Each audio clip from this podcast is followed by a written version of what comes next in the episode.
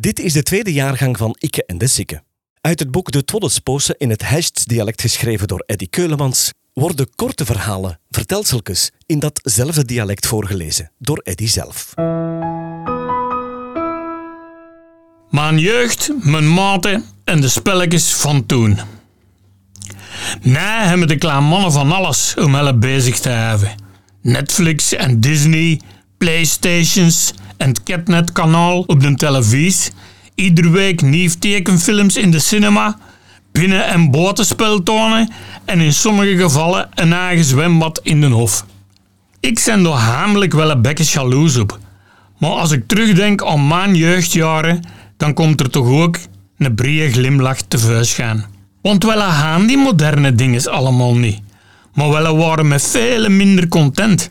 En we konden met ons maten boten ravotten, zonder dat ons ouders schrik moesten hebben, want in ons geburen reden toen heel weinig auto's.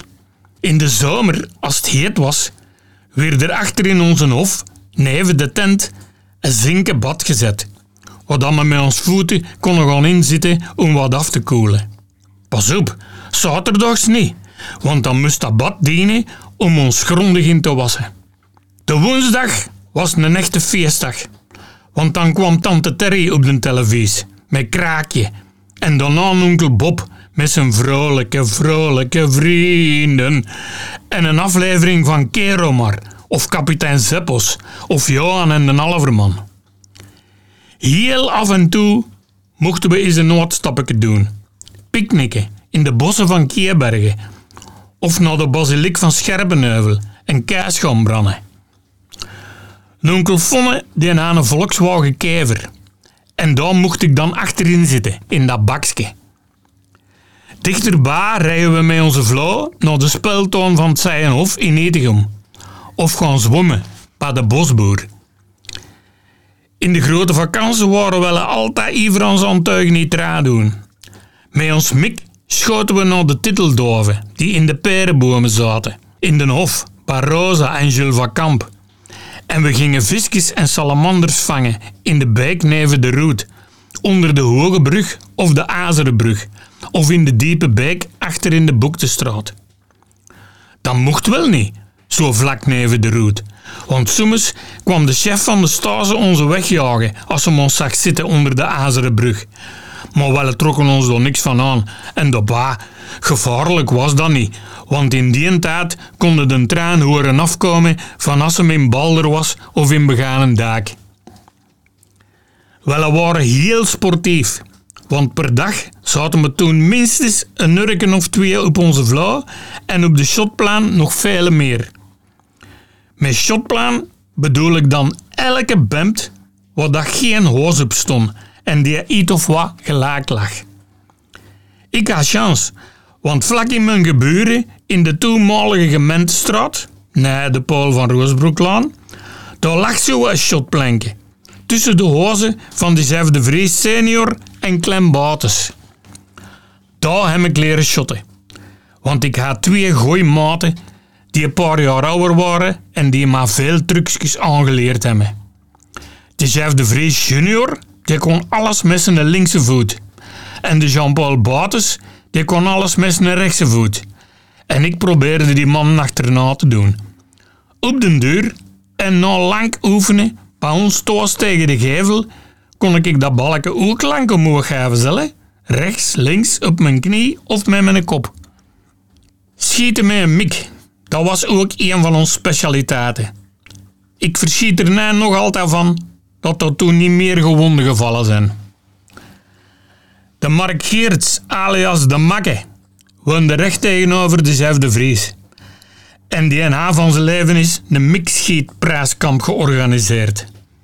Hij had een aantal prijzen verzameld en om die te winnen moesten wel een blikken dozen van een plank schieten. De Makke wist dat dat veel te gemakkelijk was als men met schenkjes mochten gebruiken.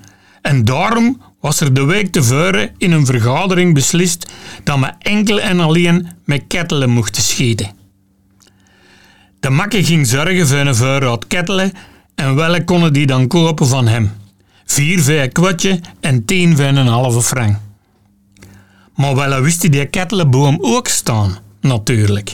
In de Oorzagenstraat stond hij, vlak of Hareme. En wel arriveerde op de schietstand met ons tessen vol. Dat bedrog was natuurlijk een idee van de Polle de Raad, alias Polijke Sis. We kochten ieder van een halve frank en we schoten en we bleven schieten. Totdat al de makkes en blekke dozen van de plank lagen. Op den deur viel ze een frank natuurlijk. En toen heeft hem zeker drie dagen van colère niet komen meespelen. Twee hozen verbaden makken wende de Patrick Geens, alias de Likkie.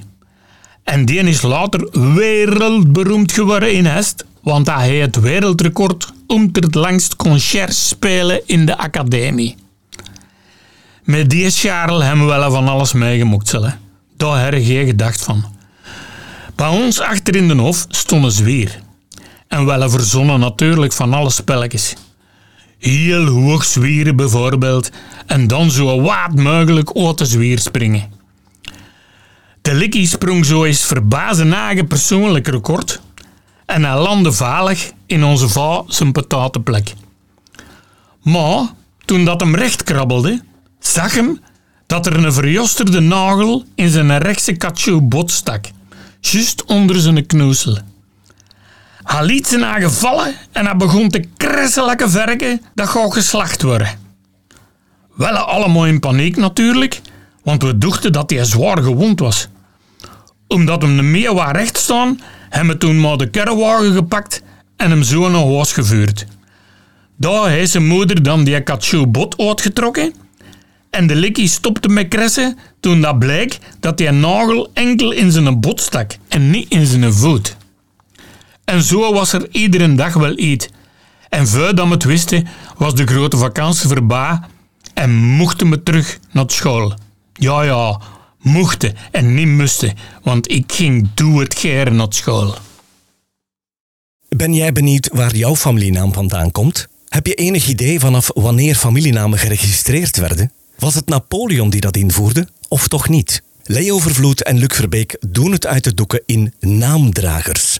Een podcast in samenwerking met de Heistse Heemkring en radioapollo.be. Nu in jouw favoriete podcast-app.